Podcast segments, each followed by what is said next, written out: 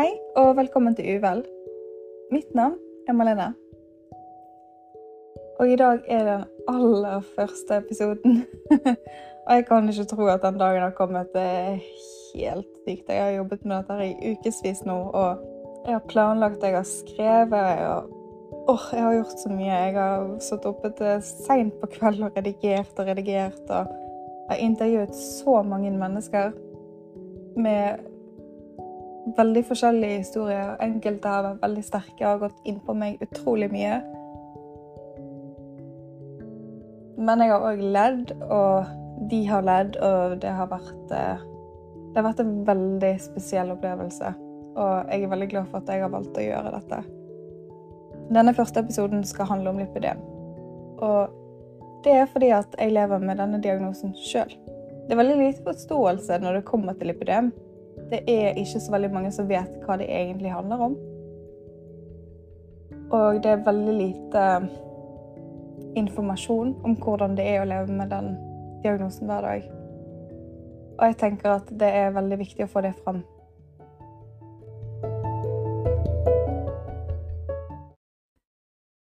Men hva er lipidem?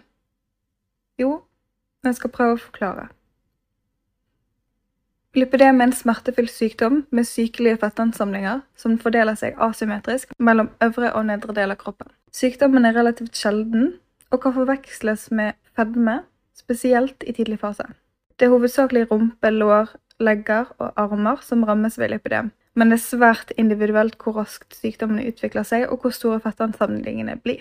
Fordelingen av fett er karakteristisk. Ofte har pasienten en betydelig fettansamling i lår og legger og eventuelt hofte- og seteparti men med en slankere overkropp. Årsaken til den unormale fettfordelingen er ikke kjent, men arvelige faktorer er sannsynlig.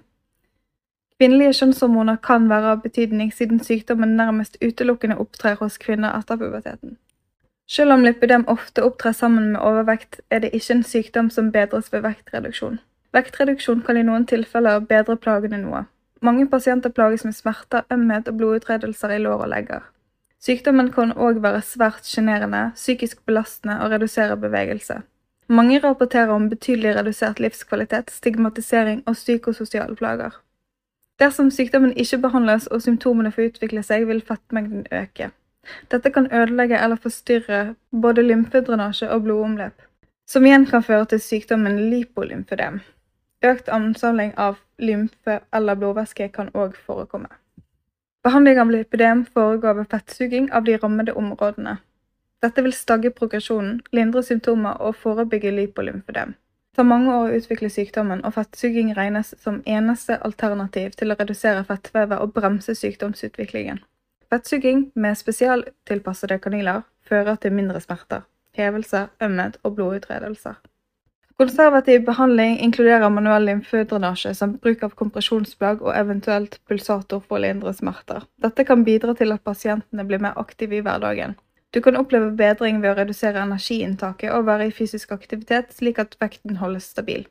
Det vil derimot ikke stoppe sykdommens progresjon. Og det er forferdelig viktig å legge trykk på.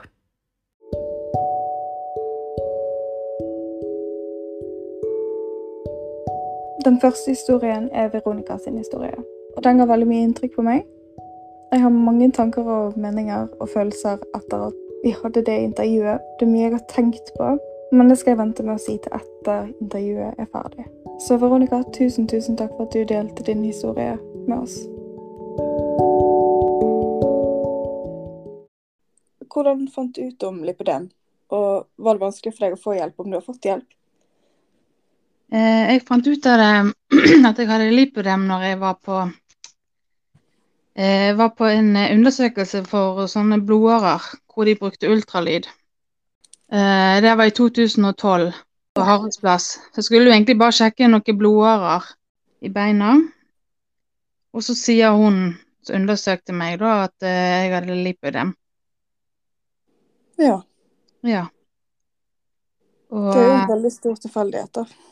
En veldig stor tilfeldighet. For jeg, jo, jeg, hadde jo undersøkt dette på forhånd, for jeg visste jo at det var noe galt med beina mine. Min mor visste det var noe galt i de årene jeg var ungdom og sånn, sant. Men uh, det var ingen som kunne svare på det. Så det var bare kjempetilfeldig mm. at jeg fikk diagnosen da. Men ja. Og, en, og jeg, jeg fikk jo ikke noe hjelp for det at eh, Jeg spurte jo hun om dette, og hun sa da måtte jeg google det, liksom. Lipødem. Ja. Ja. Så du fikk ingen oppfølging, eller?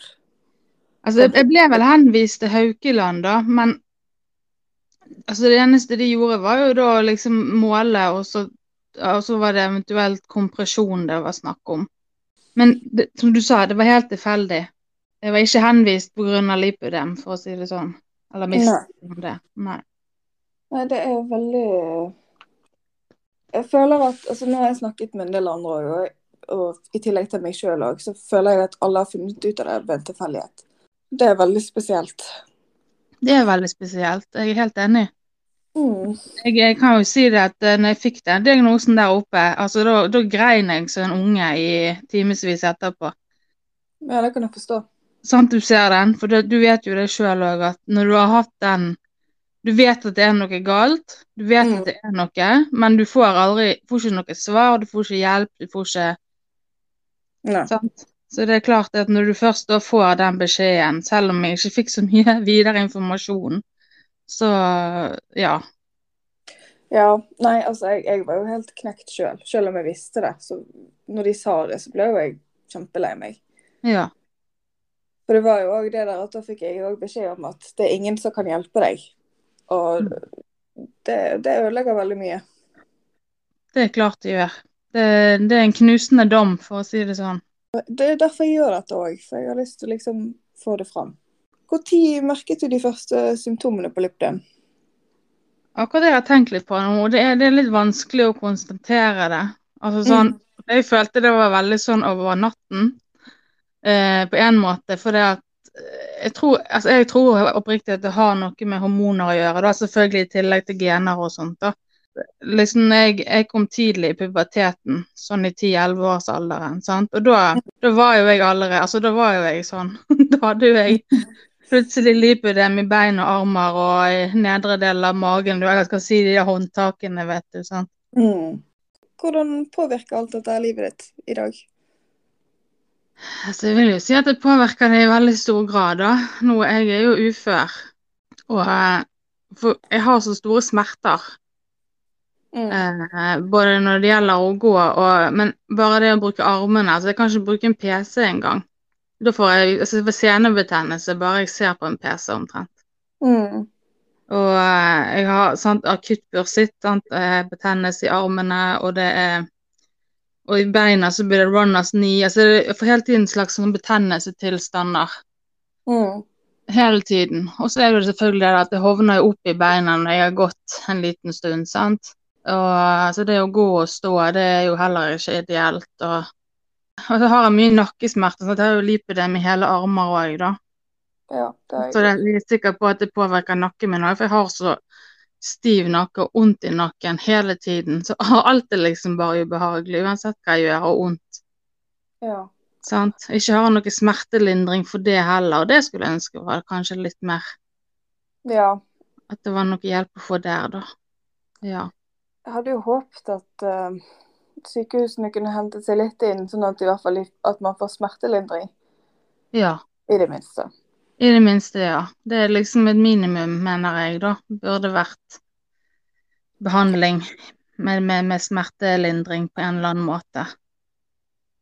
Ja, jeg har jo ikke vondt hver dag sjøl, men altså de dagene når det er ille, da er jo jeg sengeliggende. Ja. Da, da klarer ikke jeg en tid. Nei, det, det er helt forferdelig. Ja. Det går utover alt, sant. Det går utover det sosiale, det går utover altså, venner, familie. Det er masse du ikke klarer. Mm. Altså litt denne fatigue-biten òg, sant. At du blir så enkelte dager så er du så sliten at, så du sier, du blir sengeliggende. ja. Så Noen dager kommer vi oss liksom ikke lenger enn sofaen, da. Nei. Det er helt sant. Nei, det er forferdelig trist at det skal være så ille. Ja, det er det. Så det påvirker jo livet mitt i veldig stor grad, sant. Det, Mm. det påvirker alt jeg kan gjøre og ikke kan gjøre, og ja. Ja. Er det av lipødem at du har blitt ufør? Det er en del av det, men eh, det er jo andre grunner òg, selvfølgelig. Men det er sånn, jeg har jo flere sykdommer, og jeg føler liksom det henger veldig sammen alt. da. Ja. Eh? Jeg, fikk, jeg fikk mest sannsynlig lav stoffskifte når jeg var i barnealder. Men den gangen var det sånn at det var ingen barn som kunne få lavt stoffskifte. Så Nei. det testet de ikke barn for. Men i dag tester jo de alle nyfødte for det, for det viser jo seg at de kan. Så hvor lenge har jeg gått med det, og hva skader det gjort? Sant? Nå er ikke det dette handler om, men poenget er at Og så fikk jeg lipodem, sant? og så fikk jeg PCOS i 20-årsalderen, og så har jeg fått litt sklerosus nå i 30-årsalderen. Så hvert tiår så får jeg en ny, Ja. ny sykdom. Uff, jeg føler med deg, altså. Det, det går utover psyken òg, sant. At, at det fysisk ikke fungerer så bra. Vi blir fort forhåndsdømt, merker jeg. Du gjør det, og det blir du i helsevesenet òg, sant. Og til og med, altså til og med jeg, jeg har jo tatt slankeoperasjoner òg, for det var jo før jeg visste om at jeg hadde lipødem. Og til og med da, sant, når jeg kom på den ene kontrollen, så sa jeg jeg går ikke ned i vekt, men mer ned i vekt. Jeg bare kaster opp og kaster opp. og Hun bare 'du må bare ta deg sammen, du må skjerpe deg', sier hun. Så jeg var på kontroll hos sant, hun kirurgen. Da spydde jo jeg i fire år, og likevel gikk jeg ikke ned i vekt. Du føler deg liksom dømt med en gang, da. Ja. Men når jeg var i BT òg, at eh, den første gangen, og at folk var veldig skeptiske. Det var jo mange som mente at jeg skjulte meg bak den diagnosen for at det skulle være lettere. Ja. Men uh, det er jo ikke lettere. Det, det er jo ingen hjelp å få. Så Nei, det er akkurat det det ikke er. Hadde nå det vært lettere, så kunne du forstått den tankegangen. Men ja, det er sant. det er jo ikke lettere, så jeg skjønner ikke helt poenget med det, da. Men eh, Men det er jo fælt at du måtte gå gjennom det der med slankeoperasjonen og sånt. Det, det er jo ikke greit. Nei, det er jo ikke greit, men du har liksom fått beskjed hele livet ditt at det er din feil, da. Sant? Så det til slutt så Ja, så caver jo du inn på en måte, og du Ja vel, OK, da, så er det min feil, så det er jo bare OK. Da er det rett og slett det der med maten, da. Så da må jeg bare ta en slankeoperasjon, da. For jeg har jo prøvd alt. Jeg har jo sikkert vært så masse næringsfysiologer at eh, jeg orker ikke flere næringsfysiologer, for å si det sånn. Det makter jeg ikke. Jeg har prøvd det meste. Det blir for generaliserende, liksom. Det, det, det er så veldig sånn eh, alle under én kam. Mm. Hvis alle hadde hatt makekropp, så er det klart da kan du behandle alle likt. Ja, selvfølgelig, men Ingen regel uten unntak. Jeg føler liksom at de har ridd de der reglene sine veldig. ja. Sant? Men det finnes alltid unntak fra regel, uansett. Ja, det gjør det. Alltid. Har alt dette gjort at du f.eks. har problemer med å spise og sånt? At du, at du føler at du ikke kan spise fordi at da legger du kanskje på deg, eller Har du et sunt forhold til mat? Nei, jeg har hørt veldig dårlig forhold til mat. Ja, det har jeg òg. Så det, det, det er veldig Det er beintøft. Som sagt, jeg har hatt fulgt opp av både lege og, og, og skolehelsesøster og allerede fra barneskoler og jevnlige veiinger og ja, det, det gjør noe med hodet ditt. Sånn som på ungdomsskolen, så spiste du bare et, et eple på skolen, og så spiste, pirket jeg litt i middagen hjemme. Ja. Og så trente jeg så en gal på rommet, soverommet. Og, så, men allikevel så hadde jo jeg fremdeles mye større kropp enn de andre i klassen, da. Så, Mm. så det, det har jo ikke hjulpet Nei, noe. Sant? det er sant. Skolelegen han sa bare, bare spise mer tomater og gulrøtter. Ja. For det hjelper jo. Altså, jeg spiste jo det samme som mine søsken, sant? og de har alltid vært ganske veldig tynne og slank. Mm. Spiste jo ikke noe mer enn de. Nei. Eh, så allikevel så så jeg ut sånn som jeg gjorde, da, med store lår og legger og håndtak og hm, armer. Ja. Ja. Jeg kom til å tenke på noe lillebror min sa. Han har jo vært overvektig i mange år. Mm. Og han sa til meg at eh, jeg forstår hvorfor jeg ser ut sånn som jeg ser ut, men jeg forstår ikke hvorfor du ser ut sånn som du ser ut, for du spiser jo ikke. ja. Jeg bare, ja. altså, jeg, jo, jeg spiser, men jeg spiser ikke mye. Det gjør jeg ikke. Nei. Nei, det er veldig rart. Jeg, jeg husker når jeg begynte å finne ut om lipidem, sånn, så sjekket jeg hvordan huden hans så ut i forhold til min. da. Mm. Det var veldig forskjell, og det er det. Han har jo veldig stram og fin hud. Han har mye muskler. Så, Ja. Men jeg er jo helt sånn rar i huden. Ja, og det har jeg lurt litt på. Altså, har det med lipidem å gjøre i forbindelse med noe annet? Altså, har det med det EDS? Ja, det lurer jeg òg på. For det, da får jo du veldig sånn dårlig hud. Det ser du på min hud òg. Sånn som så sår, sårene, altså når jeg har arr og sånn, de blir så grådig stygge. Ja, ja, altså der jeg har lipødem, der blir ikke de så fine. Men der jeg ikke har lipødem, så har det gått ganske greit, egentlig. Ja. Um, men jeg kjenner jo det at huden er jo ekstremt tynn enkelte plasser. Ja, han er så. Jeg har vært redd for at huden skal sprekke på et eller annet tidspunkt. Det, Ja, det har jeg jo tenkt mange ganger. det kjennes sånn ut av og til. Ja, det føles sånn. Så ser det litt sånn ut òg. Ja, det gjør det. Nei, uh, uff. Uh, men hva syns du om BMI-grensen som Jønan og Haraldsplass har?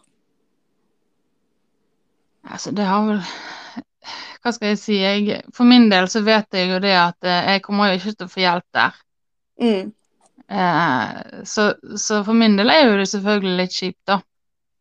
Og Ja. for andre sin del som vet at de ikke kan nå den BMI-grensen. Ja. Eh, så så det, er det er jo selvfølgelig det er vanskelig, men det er liksom nå er jeg 36, jeg har egentlig innfunnet meg at jeg må sikkert bare leve sånn, Mm. føles det ut som. Jeg har gått til fysioterapeut nå i tre år og har tilpasset kompresjon og alt mulig, så Ja. det, det er vel ikke så mye mer for meg å hente når det gjelder Mm. å gå ned i vekt, da. Jeg tror det er mange som føler sånn òg. Ja, det er nok sikkert det. Nei, jeg syns BMI er en litt sånn dum målestokk, for det tar ikke hensyn til individet. sant? Individuelle forskjeller og sykdommer eventuelt, og kroppsbygning og Ja, om det er fett eller muskler spiller ingen rolle i den BMI-skalaen. Så det er veldig dumt. Men det er jo helt sykt, for jeg har jo lest eh, at eh, Hvor var det, da? I, I de fleste land så opererer de opp til 40 i BMI på sånne sykdommer som dette. Ja. Ja, Hadde det vært så farlig, så hadde ikke de fått lov til å gjøre det. Så, Nei, herregud, det er jo mange på verdensbasis som er operert, hatt lipedemoperasjoner, og det er jo mange av de som ikke har vært i nærheten av 28, de har vært mye høyere. Jeg er klar over det. men Norge er jo spesielt, så det er jo bare greit. Vi får jo bare se, da. Får jo håpe at på sikt så Dette vil jo ta tid uansett. Vi håper de blir noe klokere og finner ut av ting, i det minste, da. Ja, Nå har jo du allerede blitt møtt av helsevesenet, men hvordan ville du blitt tatt imot av helsevesenet hvis, hvis du kunne gjort en Eller hva skal jeg si um, Hvis du kunne på en måte bestemt hvordan lipidempasienter skulle bli tatt imot? Så for det første så hadde det vært fint om det var faktisk anerkjent at det var en diagnose. Mm. At det faktisk er en greie. Det hadde jo vært første bud, liksom. Ja. Eh, og så hadde det vært greit å liksom fått det på en måte en slags oppfølging eller en henvisning videre til noen som kunne i hvert fall lede deg i riktig retning, da. At hva som er lurt å gjøre og ikke gjøre når man har lipødem. Mm. Mener du at lipidempasienter burde få dekket nødvendige operasjoner for å ha et verdig liv? Jeg mener jo det at hvis, hvis alt er annet er prøvd, så, så må jo det være Og de ser at det er ingen annen løsning på dette, så mener jeg det, ja. Mm. For det fører med seg så mye smerter og elendighet. Det beste hadde jo vært om de kunne gitt oss en pille eller en sprøyte eller et eller annet, sant. Selvfølgelig. Ja. Nei, det er veldig store forskjeller når det kommer til lipidem, ser jeg. Det er veldig individuelt hvor mye man sliter. Ja, det ser sånn ut. Og det ser jo ikke ut som alle får den samme betennelsesgraden og samme smertene. Sant? Altså, det er veldig forskjellig, som du sier. Veldig individuelt. Mm. Virker det ut som for meg òg, da. Ja. Nå har jeg jo ikke forsket på det, nå bare sier jeg sånn generelt hva jeg ser. Ja, ja. alle disse her eh, gruppene, både innland og utenlands, på Facebook og Ja. det jeg har lest og alt. Ja. ja. Nei, altså, jeg har jo jeg har slimposebetennelse i kneet og i hoften og hele tiden. Så det, det kjenner jeg. ja, det får jeg òg. Jeg har liksom ikke skjønt helt det der. Nei, jeg trodde jo først Altså, jeg, jeg opererte ankelen for noen år siden. Uh, for jeg, jeg klarte å ødelegge Eller rive av de senefestene i ankelen, så jeg måtte operere det, da. Ja. Og etterpå så trodde jeg at operasjonen var mislykket, for jeg hadde så vondt i kneet. ja. Og gikk lenge og skjønte ingenting, og det var så vondt i perioder at det, det var vondt å gå. Og så begynte det i hoften. Eh, og jeg gikk jo opp til han der eh, kirurgen og bare Hva er det du har gjort med meg? men han sa alt så fint ut, så det var jo ikke det. Det var jo lipødemen, men jeg visste jo ikke det da. Nei. Har du noen bekymringer når det kommer til lipidem? Altså, jeg bekymrer jo litt, meg litt for hva fremtiden bringer, da. Altså i forhold til eh, Jeg kan ikke se for meg at dette plutselig skal bli bedre av seg sjøl, da. Men nå har du vel hatt det i så mange år at uh... Ja, det er jo det jeg har. Jeg har hatt det mesteparten av livet mitt, sant. Så, så jeg ser jo for meg Jeg er jo redd for hvor dette ender, egentlig, sant. Jeg ser jo Alt blir jo bare verre og verre, og mm. jeg er redd for når svikter det helt, liksom. Blir det rullestol, blir det Altså, det er jo det jeg er, selvfølgelig. Det er jeg bekymret for fremtiden, rett og slett. Dessverre er jo det faktisk en veldig mange der ute som tenker om, om de kommer til å havne i rullestol fordi at de er så dårlige. Ja. Og det syns jeg er veldig trist. Veldig trist. Skal tenke litt realistisk med tanke på hvordan det har gått nå over så mange år, så Jeg tror ikke det blir bedre, som sagt. Mm. Hvordan håper du at fremtiden vil se ut for neste generasjon med lipødemdamer?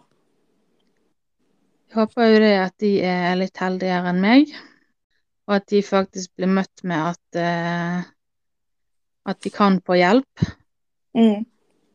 og at det er hjelp å få, rett og slett. Og at uh, gjerne fastlegen har hørt om dette og kan henvise dem til rette instans. Ja. Ja, og at de faktisk kan få da en mye bedre livskvalitet enn hva vi, eller jeg og andre, Mm. har, det. Mm. Det håper jeg. Ja, jeg òg. Det, Så var det det siste spørsmålet. Vi har jo vært litt inne på det, men hvordan har dette påvirket deg psykisk? men det har, jo, det har jo påvirket meg i veldig stor grad. For det at eh, Det er jo klart det gjør jo noe med deg, sant. At, eh, at for det første så skjønner ikke du hvorfor kroppen din gjør som han gjør, og ser ut som han gjør.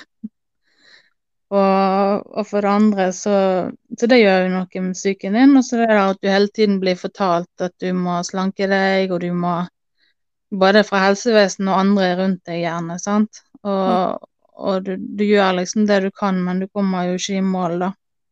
Nei. Og det, det sier vel seg sjøl at det gjør noe med, med psyken din, sant. Pluss pluss at det ser ut sånn som man gjør òg. Jeg syns jo jeg ser helt forferdelig ut. Og det er selvfølgelig veldig Det har vært tøft å leve med. Ja, det er veldig synd at du tenker sånn om deg sjøl, for du er sikkert en nydelig, fin dame. Det er jeg helt sikker på. Men det er Det ødelegger selvbildet ditt. Selvfølgelig gjør det det. Samme med meg òg. Jeg klarer ikke å se meg sjøl i speilet engang. Nei, det er helt forferdelig. Herregud, altså. Alt disser og vagger og Jeg føler Ja, men altså, jeg kan jo ikke klare Altså, om til om sommeren Du kan ikke klare av deg engang, sant, for det at uh... nei. Nei. Eh, Jeg, jeg prøvde, jeg hadde sånn en liten sånn at jeg skulle utfordre meg sjøl i sommeren som var da. Eh, Men det gikk jo fort til at jeg kledde på meg igjen. Ja. Eh, Men det var jo ingen som brydde seg. Det var jo bare meg som begynte å overtenke det. For familien min spesielt, de, de tenker jo ikke noe over det. Altså, de, de vet jo at jeg har lipødem, men Ja. å gå på butikken, det, det klarte jeg ikke helt. Så tøff var jeg ikke. Nei, gud, jeg kunne aldri gå på butikken i korte bukser uansett hvor varmt det er. Jeg kler på meg bukse uansett, jeg. Ja. Det, så får det være 40 grader eller 35 grader eller hva det nå er. ja. Eh, så vi heller koker. Har du det veldig nedover leggene òg, eller er du mest angrepet på lårene? Jeg er vel angrepet over det meste, kan man si. Jeg har de der typiske, de der som henger over føttene. Ja. Ja. Så jeg har veldig kraftige legger, og ja, lårene og hoftene er jo helt Og rumpen, ikke minst. Etter at jeg hørte Veronica sin historie første gangen, så så ga den mye inntrykk hos meg. Det var mildt sagt hardt å høre at man får beskjed om at du har lipidem, men vi kan ikke forklare deg hva det er for noe. Du får gå hjem og google det. Alvorlig talt. Hvor ble det av den biten i helsevesenet der man skal vise omsorg for pasientene sine? Er det virkelig greit å sende folk hjem med den beskjeden at nei, du får finne ut av det sjøl? Jeg vet at lipidem er en sjelden diagnose, men på Haraldsplass hadde de jo Inge Glambekk, som kan alt om lipidem, og han har kjempet så lenge for at vi skal bli hørt. Tenk deg å måtte gå gjennom en slankeoperasjon for å så kaste opp i fire år, og allikevel så sier de at du bør bare fortsette å gå ned i vekt når du ikke går ned i vekt. Hvis ikke det er galskap, så vet ikke jeg. Ingen fortjener å bli behandlet sånn. Ingen. Og spesielt ikke av helsevesenet, som ikke skal være dømmende. Som skal ta deg på alvor. Jeg vet veldig godt hvordan det er å ikke bli tatt på alvor, men det der Jeg, jeg har ikke ord. Men ingenting sjokkerer meg lenger når det kommer til helsevesenet og lipidem. Tror jeg har hørt alt. Og det vil de neste episodene òg vise. Men de vil òg vise um, hvor fantastisk det private helsevesenet er. Og de tar de aller fleste på alvor. De dømmer ikke. Min erfaring er at i hvert fall enkelte klinikker er ikke ute etter å tjene penger på de med lipidem. De vil egentlig bare hjelpe dem, fordi de vet at det er ingen tilbud i Norge med mindre du bor i Tromsø eller Bergen. Og uansett om du bor enten i Tromsø eller Bergen, så er det fortsatt en BMI-grense som er totalt urealistisk. Det er noe av det verste de kunne gjort mot de med lipidem.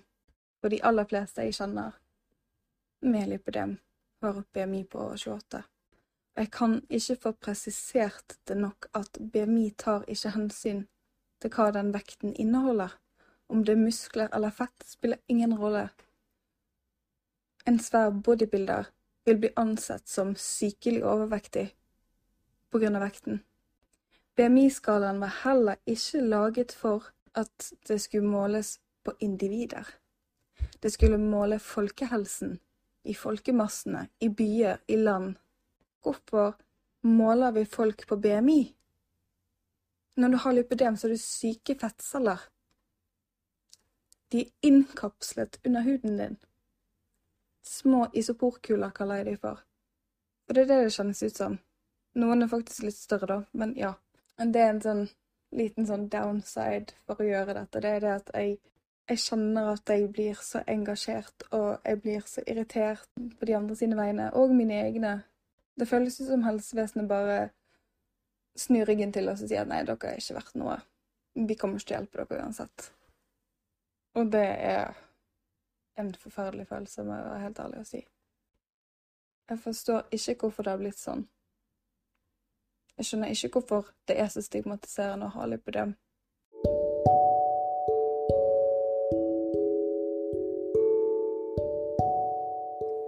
Så skal vi over til Elise. Elise hun er 29 år og kommer fra Skien. Hun står bak bloggen lipodemlivet.no, og der deler hun sin historie med lipodem og hverdagen sin med å prøve å gå ned i vekt, samtidig som hun har lipodem. Og det er overhodet ikke lett i det hele tatt. De aller fleste må halvveis sulte seg i hjel for å klare å gå ned i vekt. Men jeg ser, eh, ser endringene du gjør, Elise, og du gjør en fantastisk jobb. og alle oppskriftene dine og alt. det er et helt fantastisk initiativ du, du bidrar med. Det er viktig å ha noen som kan dele erfaringer og dele gode oppskrifter på ketodietter som vi med lipidem aller helst skal bruke. Tusen, tusen takk for at du delte din historie med oss, Elise. Det setter jeg veldig pris på. Og sjekk ut uh, lipodemlivet.no hvis du har lyst til å vite mer om Elise.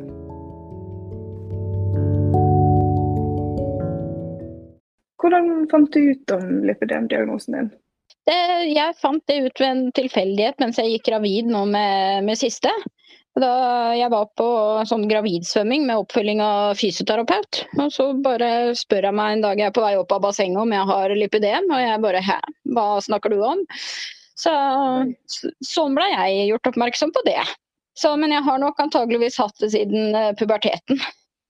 Ja, ja det har jeg òg. men det er først nå, nå, da Og det var jo Det er nå i sommer jeg på en måte fikk det endelig bekrefta, at, at det var lipidem. Får du noe hjelp per i dag? Eh, ja, jeg har jo fått tak i fysioterapeut da, her eh, hvor jeg bor, som eh, har kompetanse på det. Så jeg har jo fått hjelp med kompresjonstøy og pulsator. Men det, mm. det har jeg jo fiksa selv. Fastlegen hadde lite å komme med. Ja, det er et ja. stort problem. Så hun var jo ikke fastlegen, altså. Hun var jo ikke negativ til å på en måte Eh, at ja, du, greit du har kanskje lipidem, men det var, jeg tok en blodprøve for å teste om det var noe annet som var gærent, men det var det jo ikke. Og så hørte jeg på en måte ikke noe mer fra henne. Så da var det bare å ta saken i egne hender. Ja, Så du, ja. du merket egentlig ikke noe symptomer noe særlig da? Nei, det er jo mest liksom på en måte vært på utseendet. For jeg har jo alltid hatt uh, kjempestore bein uh, og armer mm. i forhold til, til overkroppen. da.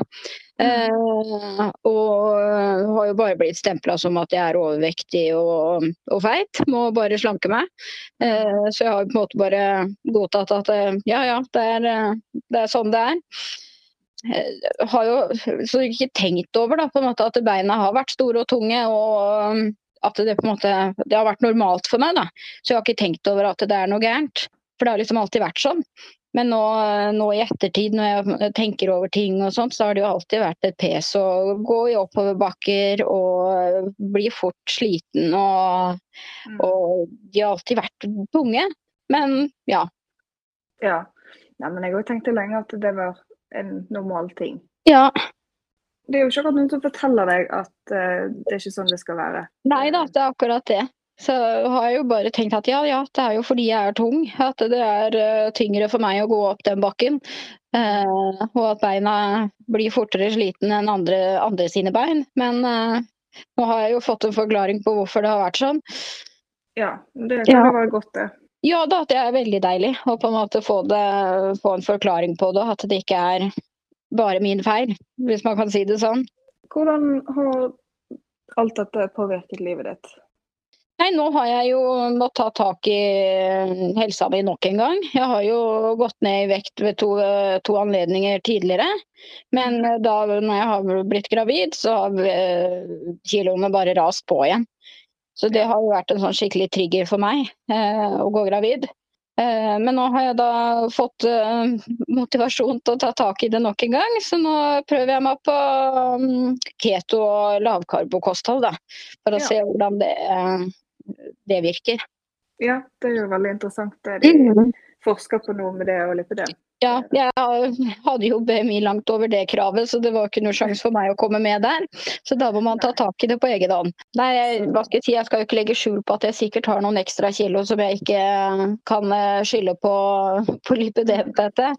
Men eh, så, så, jeg vet jo at jeg klarer på en måte å bli kvitt det. Men hvor vekta stopper en denne gangen, det er jo det, det vet jeg jo ikke. Nei.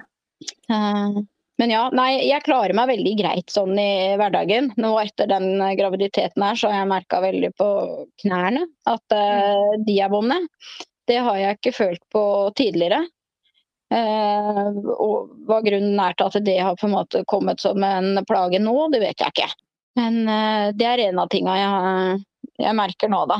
Eh, Så lurer jeg på, Hva syns du om BMI-grensen som UNN og Haraldsplass har satt for operasjoner? Nei, den er jo øh, ganske høl i huet, hvis man kan si det sånn. Det er, jo, det er jo de med høy BMI som trenger mest hjelp, føler jeg, da. Ja, det er enig. Ja, de, det er jo på en måte en grunn til at de har øh, fått den høye BMI-en.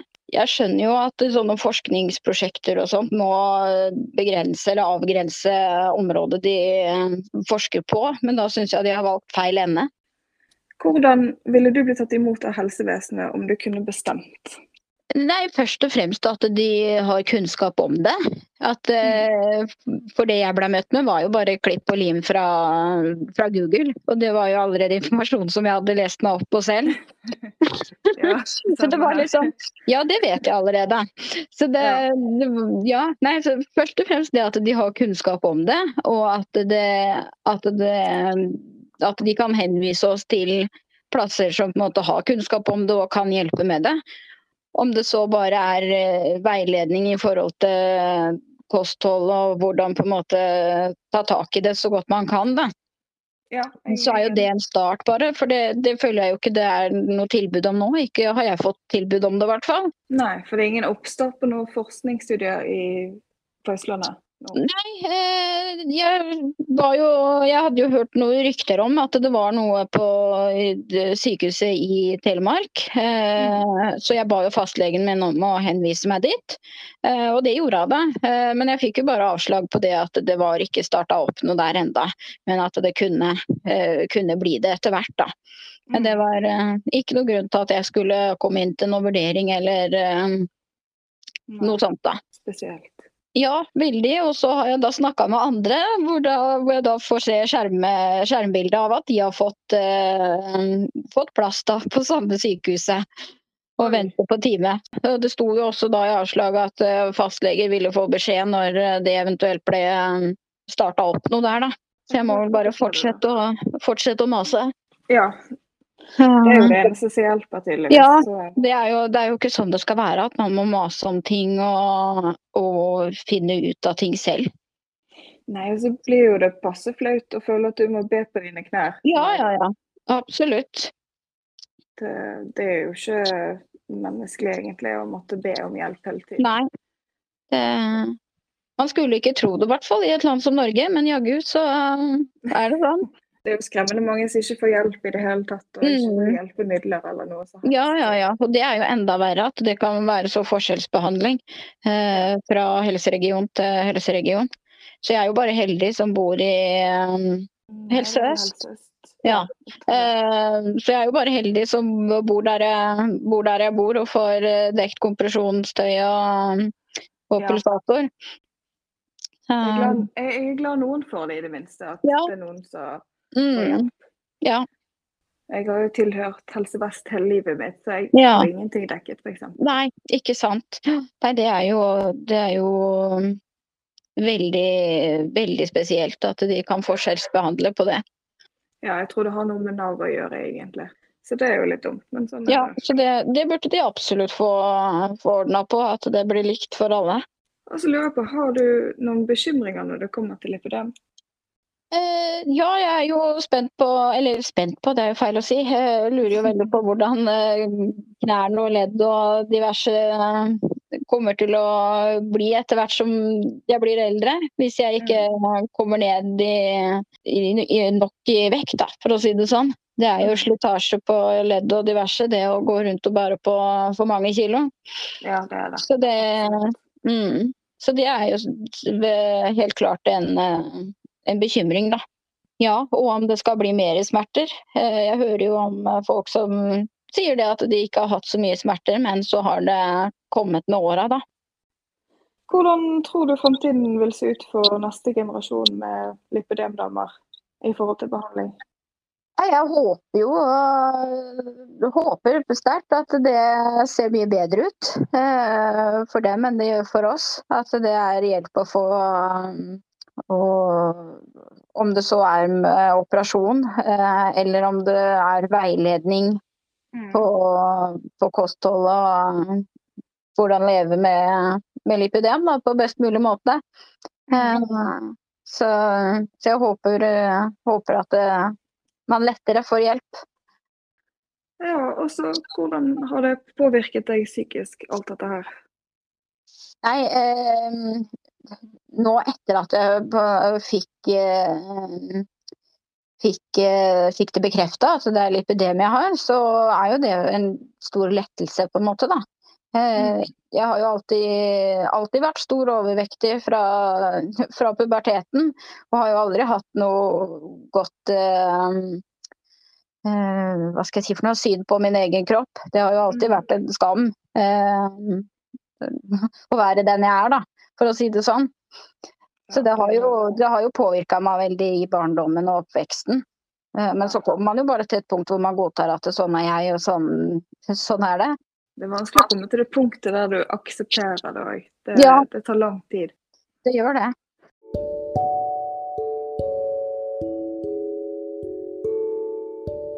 Før jeg runder av, så vil jeg forklare hva uvel skal handle om.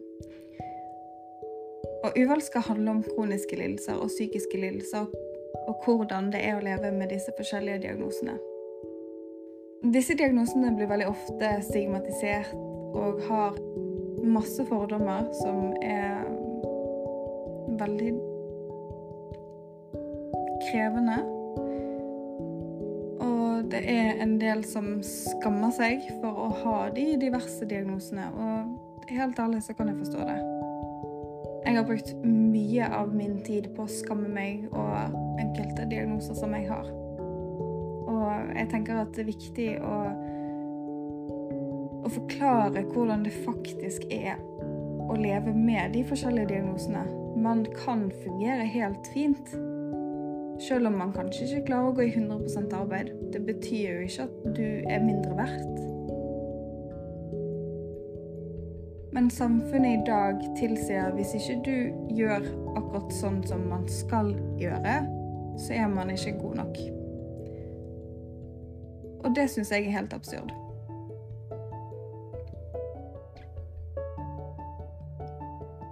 Så poenget med uvel er å skape åpenhet og en trygg plass å snakke om utfordringene sine uten å bli dømt. Jeg vet hvor tøft det er å blottlegge seg sjøl på den måten, og det er overhodet ikke lett. Og jeg tror det at å skape et ansikt på de forskjellige diagnosene kan hjelpe utrolig mye.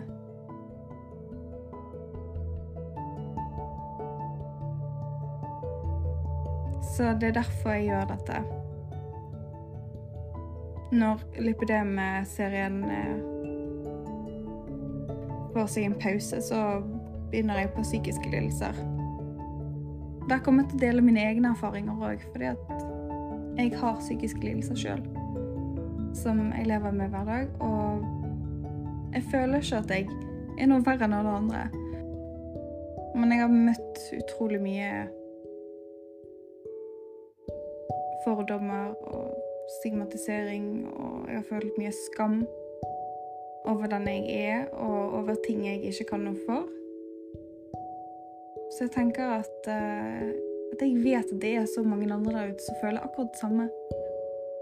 Og ikke tør å si at, uh, at man er enten sånn eller sånn.